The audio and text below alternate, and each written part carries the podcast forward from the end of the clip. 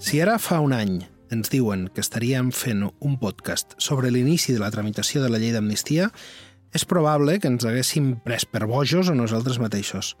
Però ja se sap, en política no hi ha coses impossibles. Hi ha resultats electorals, ganes de mantenir-se al poder i, al tanto, que ve una expressió de tertulià processista premium, finestres d'oportunitat. Mireu, si no, què és el que deia fa un any Pedro Sánchez. El independentismo no pide una reforma del Código Penal. El independentismo lo que pide, y lo saben ustedes y lo saben los telespectadores, es la amnistía. Algo que desde luego este gobierno no va a aceptar y que desde luego no entra en eh, la legislación ni en la Constitución española. Doncs mira, hi haurà llei d'amnistia. I serà pel resultat de les eleccions del 23 de juliol, perquè l'independentisme és decisiu, perquè Sánchez volia mantenir-se a la Moncloa i pot ser perquè havia arribat el moment de concedir-la després dels indults i de la reforma del Codi Penal. Encara que sigui per necessitat i no per convicció, que ja sabem com funciona aquest negoci. I si no, ens ho explica de forma molt prosaica el nou ministre de Transport, eh, Òscar Puente. Puedo hacer alguna comparación chusca con decisiones cotidianas en la vida, ¿no? Podrían preguntar, oye, ¿usted se hubiera casado si no se hubiera quedado embarazada su mujer? Pues a lo mejor en este momento no, pero nos queremos mucho y seguramente dentro de seis meses nos hubiéramos casado también. Pues esto es lo mismo. Había que solucionar un problema, eh, estaba clara cuál era la solución, es una solución que se hubiera dado a lo largo del mandato y, por tanto, eh, vamos a, a, implementarla con la plena convicción de que va a conseguir resolver un problema en nuestro país. Bueno, digui xusco, com diu ell, o digui groller. Però en tot cas, com que sabem com funciona el negoci, també podem dir que una cosa és que l'amnistia es tramiti i s'acabi aprovant al Congrés i l'altra és que la seva aplicació als tribunals sigui un camí de roses. Jo crec que aquestes paraules de José María Aznar no necessiten cap traducció, com és habitual en ell, i ja han tingut conseqüències. Pero se puede hacer muchas cosas menos una, inhibirse. En esta situación que estamos describiendo, la inhibición no tiene hueco. Y se me podrá decir, ¿qué se puede hacer? Pues el que pueda hablar, que hable. El que pueda hacer, que haga. El que pueda aportar, que aporte. El que se pueda mover, que se mueva. El que pueda intentar, cada uno en su responsabilidad, tiene que ser consciente de la situación de crisis en la que estamos. Doncs el que puede hacer que haga i no hi haurà inhibicions, tal com hem vist en les manifestacions i les preses de posició de molts estaments. A l'amnistia, per tant, li espera un camí tortuós perquè la dreta judicial, que sovint fa més política que justícia, ha activat tots els mecanismes al seu abast per frenar-la. Per unes quantes raons. Perquè Pedro Sánchez no és el millor amic de la judicatura, perquè no volen veure Carles Puigdemont entrant per la frontera com un home lliure i perquè, en el fons, l'amnistia l'amnistia el que fa és esmenar l'estratègia seguida des del 2017 de judicialització del procés català. Tornar la pilota al terreny de joc de la política implica treure'l del terreny de joc del Suprem, de l'Audiència Nacional, de la Fiscalia, del Tribunal de Comptes i companyia. I quan has tastat els beneficis de manar per la porta de darrere, és difícil renunciar-hi. I, entre altres coses, per això porta cinc anys en funcions el Consell General del Poder Judicial. De tot plegat, de quin futur tindrà aquesta llei d'amnistia en parlarem amb el Bernat Roca, responsable de la informació de Tribunals del Diari, i amb l'Oriol Marc, que és el cap de política. També ens acompanyarà la Magda Oranic, que és una advocada de llarguíssima trajectòria al nostre país i una d'aquelles veus que sempre té alguna cosa a dir perquè li té al·lèrgia a la consigna. Això sí, no sempre li porta, li porta alegria, sobretot a les xarxes socials. Vinga, va, que ens hi posem. Què tal, parella? Com esteu? Doncs mira, sacrificant un dia de festa que tenia per atendre l'snooker, que fins ara no sé per què no m'hi havíeu convidat mai. Home, doncs perquè som gent molt considerada no et volíem afegir més feina i els oients han de saber, això sí, que el Bernat, quan el convoquen a tertúlies, que per cert cada vegada passa més vegades, sempre dedica una bona estona a apuntar-se unes bones idees a la llibreta i és francament divertit veure'l amunt i avall, amb un puntet nerviós, demanant opinions sobre coses que hagin passat aquell dia. De debò que és el gendre de Catalunya i realment s'hi esforça molt per mantenir aquesta reputació. Tal qual, tal qual. En som tots testimonis, Bernat però avui eh, no, no pateixis que no és una tertúlia, que aquí a l'Snooker només hi ha rigor, només hi ha dades. Així que comencem amb tu. Escolta'm, eh, Òmnium i Esquerra Republicana van dir, quan es va presentar la llei, que s'havia d'esmenar i que se n'havien de corregir ambigüitats. Què vol dir això? Per on poden anar? Bàsicament, el que es tracta aquí és de reduir el marge d'interpretació eh, dels jutges, que ja hem vist, com comentaves abans, que estan obertament en contra de l'amnistia i tenim exemples eh, recents que demostren que la voluntat, diguéssim, del legislador a vegades no és la mateixa que la dels jutges. Per exemple, amb la reforma del Codi Penal i la, la reforma concretament de la llei de la malversació, la voluntat era una, era rebaixar penes i segurament evitar penes de presó per als implicats en el, en el procés i una interpretació controvertida doncs, va fer que, que no pogués ser així i el que es tracta és d'evitar de, que això pugui passar amb la llei d'amnistia i que una interpretació inesperada doncs, la deixi en paper mullat o que no permeti aplicar-la en tots els casos. Jo crec que el gruix de la llei eh, no hi ha gaire dubtes, a dir, en l'1 d'octubre, en els preparatius del, del referèndum, aquí s'haurà d'aplicar i no hi haurà problema, però sí que hi ha elements com el, com el terrorisme, segurament, o com a, com altres punts que tenen un redactat eh, complicat d'entendre, doncs, que s'haurien de, de clarificar i d'evitar de, doncs, que ja no només els jutges que l'han d'aplicar doncs, puguin sortir-se per la tangent, sinó també el Tribunal Constitucional, que és el que haurà de validar la llei. Dèiem a la introducció que l'amnistia no s'aplicarà de forma immediata. Això està clar que pot eh, implicar molt, que pot afectar molt el calendari polític, més encara tenint en compte les circumstàncies de la legislatura i que al febrer del 2025 tindrem eleccions al Parlament de Catalunya. Exacte, el calendari és superimportant perquè, en certa manera, l'independentisme continua estant encadenat al PSOE, almenys, com a mínim, fins que s'aprovi l'amnistia. I això vol dir que hauràs de defensar amb els socialistes eh, qualsevol mesura quan arribi el moment eh, de l'ofensiva judicial, que no només ha arribat, sinó que es pot intensificar i estic segur que després el Bernat ens ho explicarà molt millor. Eh? Però, bàsicament, tant Carles Puigdemont com Oriol Junqueras, que són els principals suports que té ara Pedro Sánchez per haver arribat a la Moncloa, eh, sí, hi haurà amnistia per ells. Això és molt sorprenent. I també és sorprenent, sorprenent si posem una mica el retrovisor, però sobretot el que és sorprenent és que fa uns dies Carles Puigdemont, que es va trobar de manera casual amb Manfred Weber, el president del PP europeu, en un acte a Brussel·les, li digués, home, tu i jo potser ens podem acabar entenent una mica perquè jo puc fer que els pressupostos del PSOE no s'aprovin. Pot passar? Home, jo tinc dubtes que pugui passar, evidentment, a la vida ho hem vist, tot pot passar, però seria estrany. I acabaria sent fins i tot contraproduent eh, per Carles Puigdemont, sobretot a l'inici de la legislatura. De passada, ja que tenim aquí Més Bernat... que res, Oriol, perquè no hi ha recorregut amb el PP, perquè el problema que hi ha és que el PP va de bracet amb Vox. Tu quan portes la motxilla de Vox saps que tens mm. una sèrie de vots que et cauen, que són els de tota la resta de l'hemicicle. Recordem que Pedro Sánchez ha arribat a la Moncloa amb els vots de tothom, menys els de PP i Vox, que vol dir que qualsevol moció de censura que incorpori Vox és impossible que passi perquè l'independentisme en el moment entra a l'equació, la resta de cau. I ja que tenim aquí el Bernat, m'agradaria també aprofitar per preguntar-li abans tu, Ferran, has dit ara, ostres, parla el Bernat, parla el rigor, ara no ha parlat el rigor, torna al rigor. Uh, escolta'm, quines maniobres té la justícia per dilatar l'amnistia? Perquè el calendari és superimportant. Vull dir, nosaltres, quan s'aprova una llei al Parlament, sabem que comença una tramitació, al cap d'uns mesos està en vigor, s'aplica fàcil.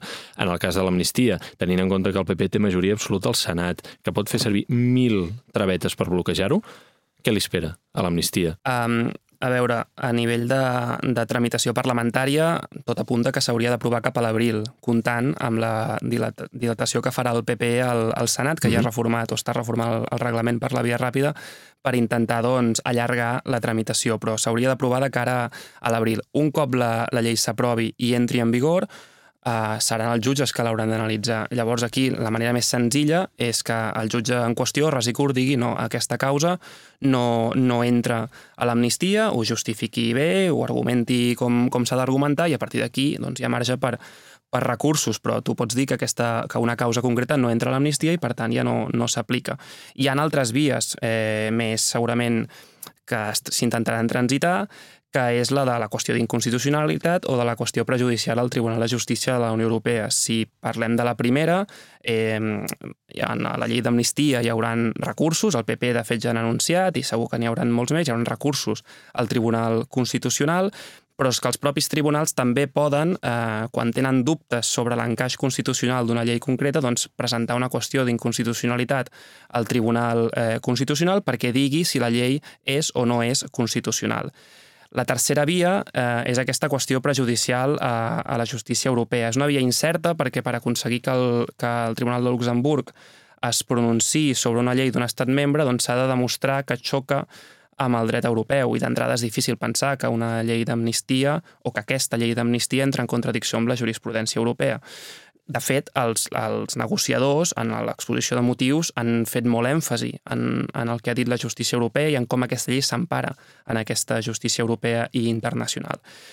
Però, de tota manera, també estem veient en els últims dies i setmanes com el jutge de l'Audiència Nacional, Manuel García Castellón, que és el que instrueix la causa de Tsunami, doncs s'està esforçant per construir un relat i per vincular el, el terrorisme amb el dret europeu, per tant, per tal que, que la justícia europea sí que s'hagi de pronunciar doncs, si arriba aquesta I com ho vol fer, això? Com ho vol fer? Què, què, què, què trame? Al final, el jutge té obert de sota les vies, perquè si repassem una mica les últimes interlocutòries, doncs ja veiem que va deixant anar com, com una mica pollites no? de, de, de què pretén fer. És a dir, quan apareix aquest mort, aquest turista francès que, que va morir a l'aeroport del Prat el mateix dia de les protestes, doncs ja està intentant dir que si això es confirma, si es confirma aquest vincle, que no s'aguanta per enlloc, però si es confirmés aquest vincle eh, entre la mort d'aquest turista i les protestes, doncs que aquesta causa podria quedar fora de l'amnistia, perquè la llei d'amnistia eh, no afecta aquelles, aquelles conductes que hagin provocat morts.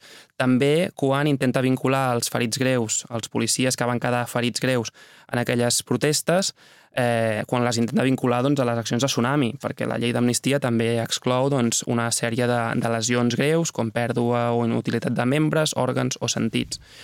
I pel que fa de cara a Europa, sí que el, el que estem veient és que el, el jutge està intentant construir tot un relat en què el terrorisme es vinculi al, al dret de la Unió Europea, i això ho fa doncs, a través de, de directives, de convenis de lluita contra el terrorisme que també ha subscrit a Espanya i que serien doncs, dret europeu. I amb això el que vol fer és que quan arribi el moment, si s'ha d'amnistiar un delicte de terrorisme, el, el jutge pugui dir ep, això entra en contradicció o xoca amb, amb el dret de la Unió Europea. Per tant, presenta una qüestió prejudicial i està plenament justificat que el Tribunal de Luxemburg eh, es pronunciï altra cosa és que eh, l'accepti o que la, la interpretació que em faci sigui la que espera que hi hagi el jutge. I només un apunt més, perquè després em diuen que m'enrotllo, però... És que eh, els oients han de saber que el, el guió que hem fet servir per aquest snooker especial no hi ha guió. Hi ha molt Bernat, eh? Bueno, hi ha molt Bernat, eh? Perquè em feu preguntes obertes i jo... Li vam deixar jo... uns blancs al Bernat i no ens ha deixat espai a la resta. Però que no és interessant el que explico. Ah, una cosa no treu l'altra. Acabo. Bueno, acabo amb un uh, apunt molt, molt concret, és uh, tant si hi ha qüestions d'inconstitucionalitat com si hi ha qüestions prejudicials, l'aplicació de la llei d'amnistia en aquests casos concrets queda en suspens. Però això la pròpia llei, com que ja ho preveu, uh, diu que s'han d'aixecar totes les mesures cautelars o ordres de detenció que hi hagi actives mentre es discuteix tot això. Això vol dir, per exemple, eh, que arribat el cas no es podria ordenar una detenció ni cap empresonament preventiu i això convé tenir-ho present de cara, Important, això. de cara al que pugui passar. Aquest últim detall. Escolta, si s'acaba aplicant la llei del tot, el mapa torna una mica al 2017. Eh, tu creus, Oriol, que els protagonistes continuaran volent tot el protagonisme? Dit d'una altra manera, treu una miqueta la bola de vidre i digue'ns si creus que Puigdemont i Junqueras voldran tornar a ser candidats a la Generalitat. I pensa que això queda gravat i que t'ho recordarem durant un temps eh, si t'equivoques. Però, Mira, faré... però abans... Exacte, farem una cosa abans, perquè m'ho pugui pensar bé. Escoltarem, escoltem, un tall de escoltem el Puigdemont. L'abandonament complet i efectiu de la via judicial contra l'independentisme i, i, i els independentistes. L'1 d'octubre no va ser un delicte, com tampoc no ho va ser la declaració d'independència, aquest és el punt fort de, de Carles Puigdemont a l'hora d'aquesta via més legitimista de l'independentisme. Ell, eh, fins que ha pactat amb el PSOE, la podia defensar sense cap mena d'escletx. Ara és una mica diferent, perquè quan entres en el terreny de la política assumeixes de manera intrínseca una sèrie de, de contradiccions inherents al càrrec que estàs ocupant. Uh, aviam, trec la bola de vidre, intentaré ser encara més prudent que de costum, que si no després em fregiu. Uh, jo crec que Carles Puigdemont serà candidat segur a les eleccions europees. Ja veurem què passarà a les catalanes, perquè les últimes ja no li van anar del tot bé. De fet, va quedar tercer per darrere de Salvador Illa i de Pere Aragonès. Ell feia tàndem amb Laura Borràs i no els hi va acabar d'anar del tot bé, van perdre dos escons, i per tant es van quedar sense opcions de tenir la presidència de la Generalitat. El partit, això sí, Junts li demanarà segur, perquè és el seu millor actiu, i en el fons Carles Puigdemont és la fotografia de l'amnistia. Si l'amnistia supera totes les traves que deia abans el Bernat. La imatge grossa és Carles Puigdemont entrant per la frontera com un home lliure, com un home victoriós, i per tant seria molt estrany que el partit no li demanés «Ei, agafem-nos aquesta onada, torna a ser el nostre candidat».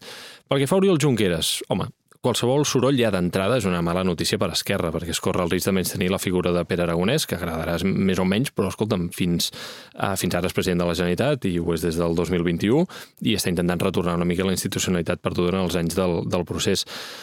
Uh, aviam, és el típic debat que només que es faci una mica públic jo diria que no tindrà cap mena de benefici per Esquerra, uh, que tampoc les enquestes li acaben de somriure. De fet, de tot això, per ara, segons totes les enquestes, qui surt guanyant de tot el que està passant i tot el que està parlant és el PSC.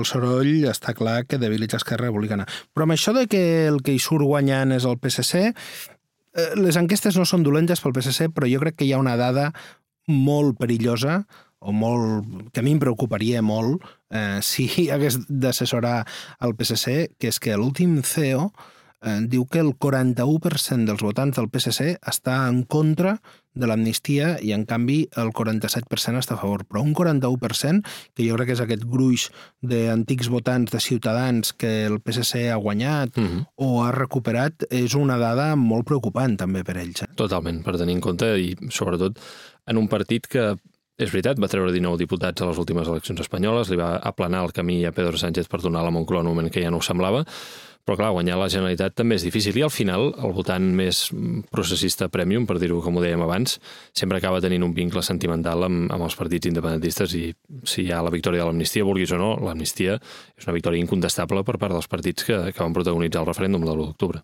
És una victòria incontestable sempre i quan no se la carregui el Tribunal Constitucional.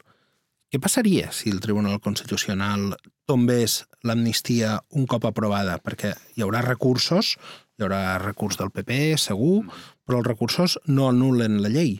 Però si després el Constitucional tombés de forma total o parcial la llei, què passaria amb els amnistiats, Bernat? A veure, en primer lloc, si l'amnistia acaba sense ser constitucional, això és devastador per Pedro Sánchez, perquè tota la seva investidura i tota la seva legislatura es fonamenta sobre, sobre aquesta llei. Si és una llei que és polèmica, que no té un suport gaire clar, bueno, més enllà de la majoria absoluta que, que l'ha aprovat, però hi ha moltes reticències del Poder Judicial i d'altres estaments eh, de l'Estat. Per tant, si el, el Tribunal Constitucional la tomba, doncs seria un cop políticament molt fort per, per Pedro Sánchez. Però això, si acaba passant, trigarà temps, perquè això no serà ràpid i la gent que ja s'hagi beneficiat de l'amnistia, aquests no se'ls hi... És a dir, no tindrà un efecte retroactiu si el Tribunal Constitucional tomba l'amnistia, perquè recordem que és allò que s'ha d'aplicar la llei més favorable al reo, en castellà. Um, per tant, si una persona s'ha beneficiat de l'amnistia i d'aquí uns mesos o d'aquí uns anys el Tribunal Constitucional diu no, escolta, aquesta amnistia no és constitucional, doncs aquesta, aquesta persona amnistiada us seguirà estant. Ara, això sí, cap més persona s'hi podrà acollir. I també serà un missatge clar del, del Tribunal Constitucional que dirà l'hem passat una vegada, és a dir, uns fets com els del procés eh, els hem comprat un cop i hem permès una amnistia perquè és evident que no hi haurà efectes retroactius, però si això torna a passar no hi haurà més amnistia.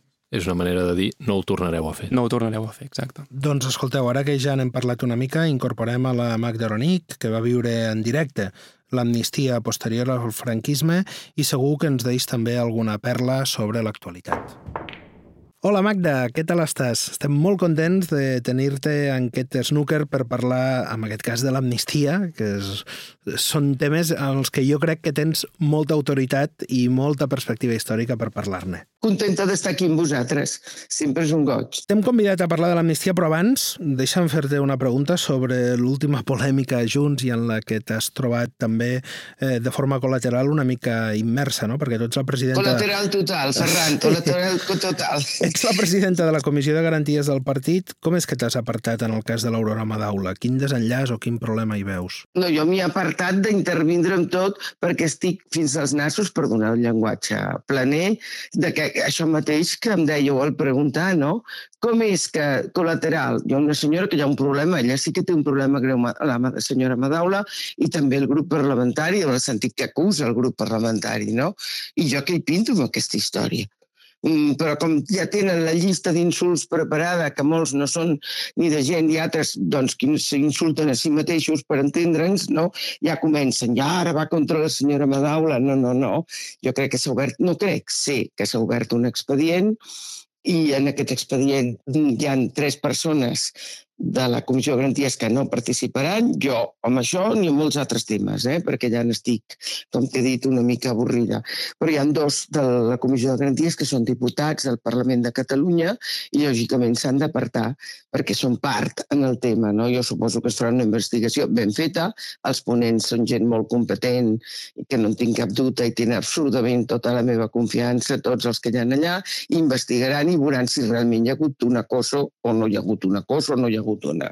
El que jo entenc que no es pot fer, i crec que quasi tothom està d'acord, que si discuteixes, de vegades hi ha discussions, tots hem tingut discussions per aquests mons, i per aquests dona, pots acusar de que t'han fet que és masclisme. Home, no. Si cada vegada que et discuteixo, me discuteixo amb algú, dic que és... Mira, que a mi me n'han fet, a més, és gros que ho digui gent, que tota mena de masclismes m'han fet a mi, des del físic, el, el cap, el no sé ja. què, les operacions... Tot, tot el que a mi m'han dit ho poses en un, un amic informàtic que ha fet un estudi, ho veus i dius, a part de gent trastocada, no? perquè si no, no, no té cap sentit, és el masclisme pur i dur, però ara que tu i jo ens discutíssim, Ferran, per qualsevol cosa, eh? O que tu fossis del Madrid, no, no, no, no vull dir, jo al no, Barça no, discutíssim, no. No, ja sí, sé sí. que no, ja sé que no, que ens hem trobat al camp del Barça passa? No, ja sé que no. Però vull dir, és igual, no?, que es discutís sobre qualsevol cosa professional. De vegades discuteixes amb els companys de despatx, que quasi sempre i discuteixes, i a vegades un s'acalora, l'altre no, i que, i que doncs, aquesta lluita feminista que s'ha fet durant segles, diguéssim, i que jo crec que les dones estem en un nivell bastant més alt que sigui llavors com ets dona, que és una cosa, em sembla que no pot ser.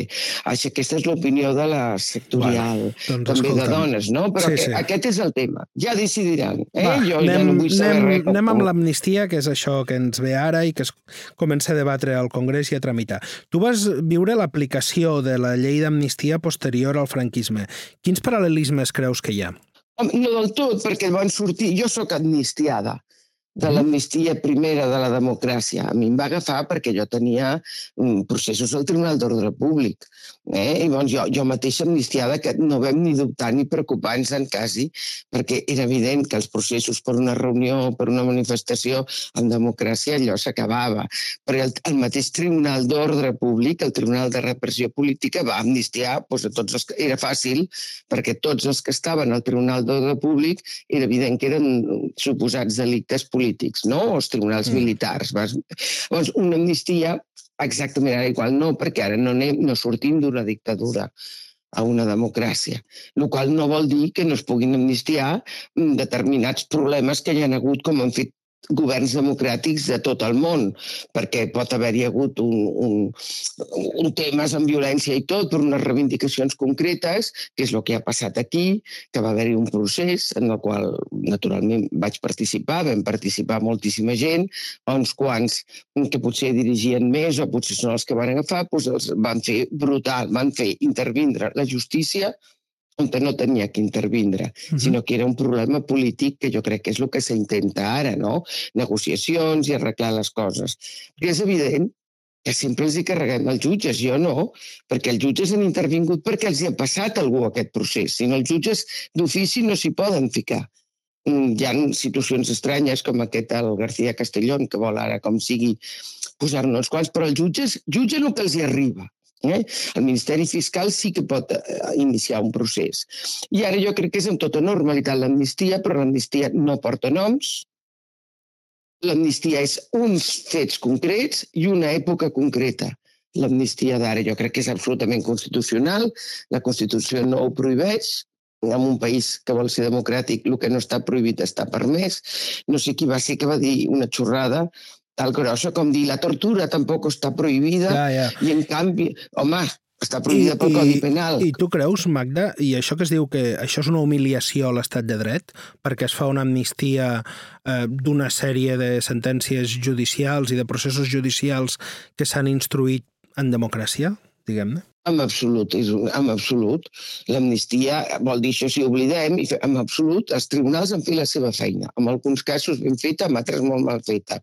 Però en tot cas han fet la seva feina, hi ha els recursos corresponents o no, perquè els que han sigut jutjats al Tribunal Suprem, a sobre no hi ha recurs sinó vas al, al Constitucional o als tribunals europeus, però que no són recursos judicials normal i corrent, no? Uh -huh. Per això una de les grans discussions dels condenats pel procés i un dels temes temes que es veu tant a Nacions Unides com a Europa és que no era el tribunal que els hi tocava.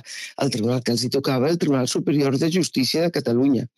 I, i qualsevol declaració de drets, incluïda la declaració de drets humans, és que et jutgi el tribunal que et toca, no el que escolleixi el govern. Però aquí doncs, va anar diferent i aquest és un dels motius que jo crec que els tribunals europeus poden intervindre. Aleshores, jo crec que és una humillació. Home, potser sí que és dir d'alguna manera llunyanament que no van fer ben fet, és a dir, que van judicialitzar el que no s'havia de judicialitzar. Sí, amb l'amnistia o, per exemple, en la inclusió de l'aufer i de que s'investiguin alguns d'aquests casos o se'n parlis, prenguin mesures per prevenir-los, jo crec que hem vist una reacció molt corporativa dels jutges, no? Aquests eh, manifestos d'associacions judicials, una concentració de jutges davant del Tribunal Suprem... Eh, tu t'esperaves aquesta reacció tan dura o creus que senzillament s'explica perquè el Poder Judicial no va fer la transició i en els darrers anys s'ha erigit en salvapàtries? Una mica de tot el que em dius, efectivament. Però sí que és veritat que al començar amb això de l'ofer, que jo personalment, jurídicament, per lo que conec del dret, que ja és una mica perquè porto molts anys, entenc jo personalment eh, que l'ofer no té res a veure amb l'amnistia. Uh -huh. Això és el que jo crec. Una cosa és l'amnistia de determinats delictes, hagués reofert suposats delictes, eh? que en democràcia molts no haurien de ser. Mm, és igual que hi hagi hagut l'ofert o que fos un judici just, mm, s'amnistia i punt.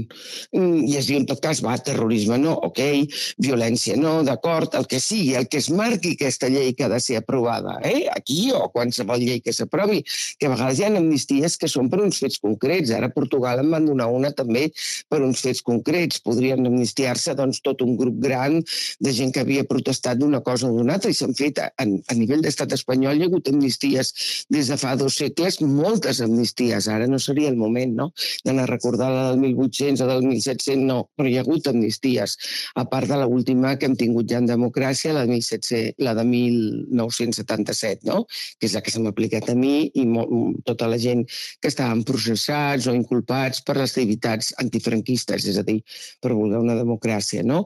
Però llavors aquesta amnistia és només per aquests delictes. No pot ser i aquell que el van jutjar injustament fa més anys, i aquell que, clar, han vist que sí ha tingut un judici injust. Això no, perquè des de la meva perspectiva, que et puc assegurar que ho he parlat amb tots els catedràtics de processal, de dret penal i he trobat pràcticament unanimitat amb la resolució, doncs no té res a veure. Hi ha indults, hi ha altres mesures de gràcia, però és, és d'un temps, actes comesos durant unes dates concretes, ni un dia mm -hmm. més ni un dia menys, i per determinats temes que estan castigats, no? determinats I, delictes. I, i, ja... I aquest és el que jo crec que si no es, des, es desvalua l'amnistia.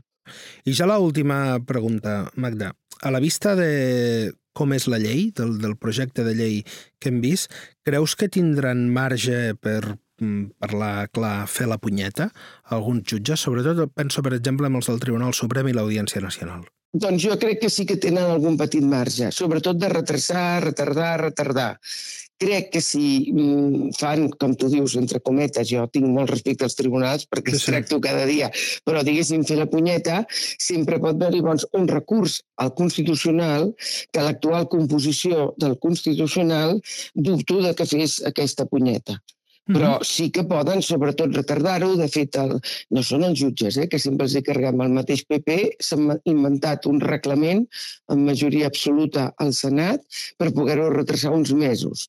Bueno, doncs ho retrasaran uns mesos i mentre faran unes quantes manifestacions més contra l'amnistia. Però jo crec que els jutges correctes, que seran molts, han d'aplicar l'amnistia des del primer moment. És que ells no legislen, ells han d'aplicar la llei que s'aplica, perquè que està vigent. Però abans com has fet la pregunta, els jutges s'han emprenyat i jo crec que amb alguns jo esperava que s'enfadessin, perquè a l'entrar amb el lawfare és el que els ha fet saltar. Sí, sí. Perquè una cosa és l'amnistia, perquè canvia, eh, perquè el govern decideix que s'amnistien aquells delictes, i l'altre és dir no perquè heu jutjat malament. Això sí que és una entrada al poder executiu, no al poder judicial. No sé si m'explico. Sí, sí, perfectament. Mm, i- Llavors, no vull dir que jo hi estigui d'acord i jo, bé, com ja, ja, ja, jo no hagués condemnat a ningú, crec que els judicis molts s'han fet injustament, tot això, no? Però, evidentment, contra el judici del procés. Però potser amb aquest tema l'únic que es aconsegueix és enfadar-los més, perquè jo tinc amistat amb molts jutges progressistes, Mhm. alguns ja jubilats, que són els meus companys de curs, que ja estan jubilats, altres que estan en actiu, però bàsicament els que més et diuen són els jutges que estan jubilats, no?, per no tenir problemes. I tots, per unanimament, et diuen, però per què s'ha entrat amb el tema del lawfare? Això és que diuen, ens deixeu desarmats davant d'altres, dels altres jutges, perquè, evidentment, al fer això sí que és entrar dintre el poder judicial. I no calia, no calia.